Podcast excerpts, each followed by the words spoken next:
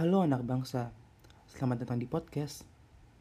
Di sini kita akan bahas seputar bangsa Indonesia, mulai dari sejarah, pemerintahan, dan keluarga negaraan. Di seri pertama ini, kita akan bahas seputar Garuda Pancasila. Pertama, kita akan bahas kisah Garuda. Kisah ini ada di dalam kitab Adiparwa, yaitu kitabnya kaum Hindu. Di sana dijelaskan tentang kisah dua dewi, yaitu Dewi Kadru dan Dewi Winata. Keduanya adalah istri dari Kasyapa, seorang resi yang bijaksana pada saat itu. Dewi Kadru adalah ibu dari ular naga, sedangkan Dewi Winata adalah ibu dari Sang Garuda. Diceritakan bahwa Dewi Winata adalah budak dari Dewi Kadru. Kenapa demikian? Karena sebelumnya mereka berselisih pendapat tentang warna kuda Ucai Serawa yang muncul bersama dengan air Amerta pada saat Samudra Mantana diaduk. Mereka berselisih pendapat tentang warna kuda tersebut dan akhirnya bertaruh dan yang kalah akan menjadi budaknya. Setelah mereka bertaruh, ular naga tahu bahwa ibunya itu salah. Akhirnya dia memberitahu kepada ibunya dan ibunya pun dengan licik mencoba meminta bantuan kepada anak-anaknya untuk menyemprotkan bisa kepada kuda Ucai Serawa agar warnanya berubah. Kalau kata kita sih runtur gitu.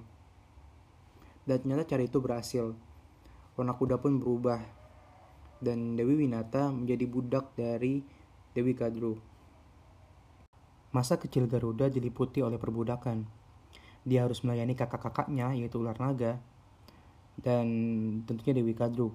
Akhirnya Sang Garuda merasa ini tidak mungkin terjadi terus-menerus selama hidupnya dia mencoba berontak kepada ular naga dan akhirnya mereka berperang. Di akhir perang muncul sebuah syarat dari ular naga.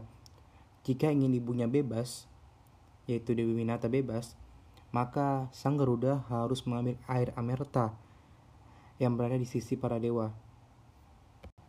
Akhirnya Sang Garuda pun memberanikan diri untuk mengambil air amerta tersebut dari para dewa.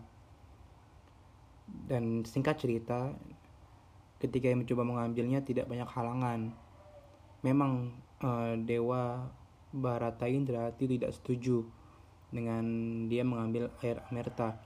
Namun dia juga tidak bisa menahan keinginan Sang Garuda untuk membebaskan ibunya dari perbudakan. Oh iya, sebelumnya gue pengen menjelaskan tentang apa sih air Amerta tersebut. Air Amerta dipercaya bisa membuat yang meminum itu kekal dan abadi hidupnya. Setelah Garuda berhasil mengambil air Amerta dari tangan para dewa, sebelum dia turun ke bumi, dia mempunyai perjanjian dengan Dewa Wisnu yang berisikan apabila dia berhasil membebaskan ibunya dari perbudakan, maka ia harus kembali ke langit dan menjadi tunggangan Dewa Wisnu.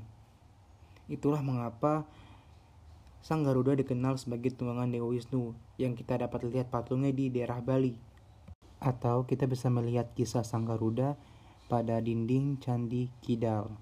Ketika Sang Garuda sampai di bumi dan menyerahkan air amerta tersebut kepada para naga dan para naga hendak meminumnya, maka Sang Garuda menyarankan untuk ular naga mandi terlebih dahulu.